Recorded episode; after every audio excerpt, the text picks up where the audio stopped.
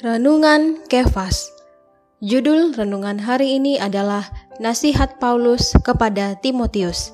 Ayat bacaan dari 2 Timotius pasal 2 ayat 22.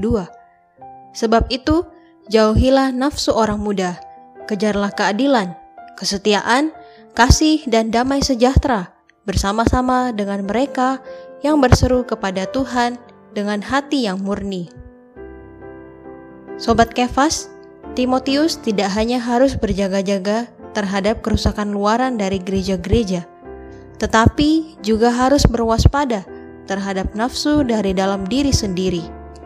Ia harus menghindari kerusakan yang dari luar, juga harus menjauhi nafsu yang dari dalam.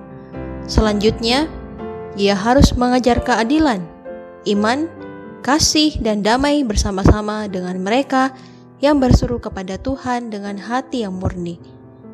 Adil adalah terhadap diri sendiri, iman adalah terhadap Allah, dan kasih adalah terhadap orang lain. Damai adalah hasil dari ketiga kebajikan tersebut. Dalam ayat 23, Paulus mengatakan, Hindarilah persoalan-persoalan yang dicari-cari, yang bodoh dan tidak layak.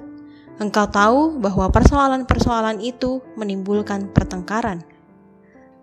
Kata tidak layak menunjukkan hal-hal yang tidak terdidik, tidak disiplin, tidak terlatih, berarti tidak taat kepada Allah, hanya menuruti pikiran dan kemauan diri sendiri. Dalam ayat 25, kembali Paulus menyinggung pengetahuan yang penuh tentang kebenaran.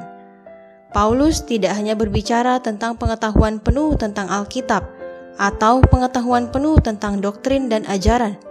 Ia menekankan pertobatan kepada pengetahuan yang penuh tentang kebenaran. Penyuntik harus memikul beban untuk menuntun, mengoreksi dengan lembut orang-orang yang suka melawan dengan harapan agar mereka diterangi, bertobat, dan kembali kepada pengetahuan yang penuh tentang kebenaran. Sobat Kefas adalah mungkin orang-orang yang bertobat sadar kembali karena terlepas dari jerat iblis yang telah mengikat mereka pada kehendaknya. Kata sadar kembali berarti siuman kembali, sadar dari keadaan yang mabuk.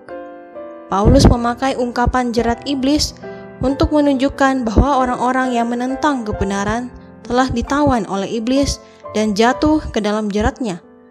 Musuh Allah telah memenuhi pikiran mereka yang terkutuk dengan kesalahan dan menutupnya terhadap Allah, seperti yang iblis lakukan terhadap orang-orang Farisi mereka perlu memalingkan hati mereka kepada Allah dan juga menanggulangi hati nurani mereka dengan tuntas. Poin penting, kita harus mengajar keadilan, iman, kasih, dan damai bersama-sama dengan mereka yang berseru kepada Tuhan dengan hati yang murni. Kita harus menolak soal-soal yang bodoh dan tidak layak, soal-soal yang menimbulkan pertengkaran. Persoalan-persoalan itu selalu timbul dari sumber yang jahat, si ular itu. Poin doa, berdoa kita yang adalah Timotius hari ini dalam zaman yang baru tidak hanya harus berjaga-jaga terhadap kerusakan luaran dari gereja-gereja, tetapi juga harus berwaspada terhadap nafsu dari dalam diri sendiri. Amin. Tuhan Yesus memberkati.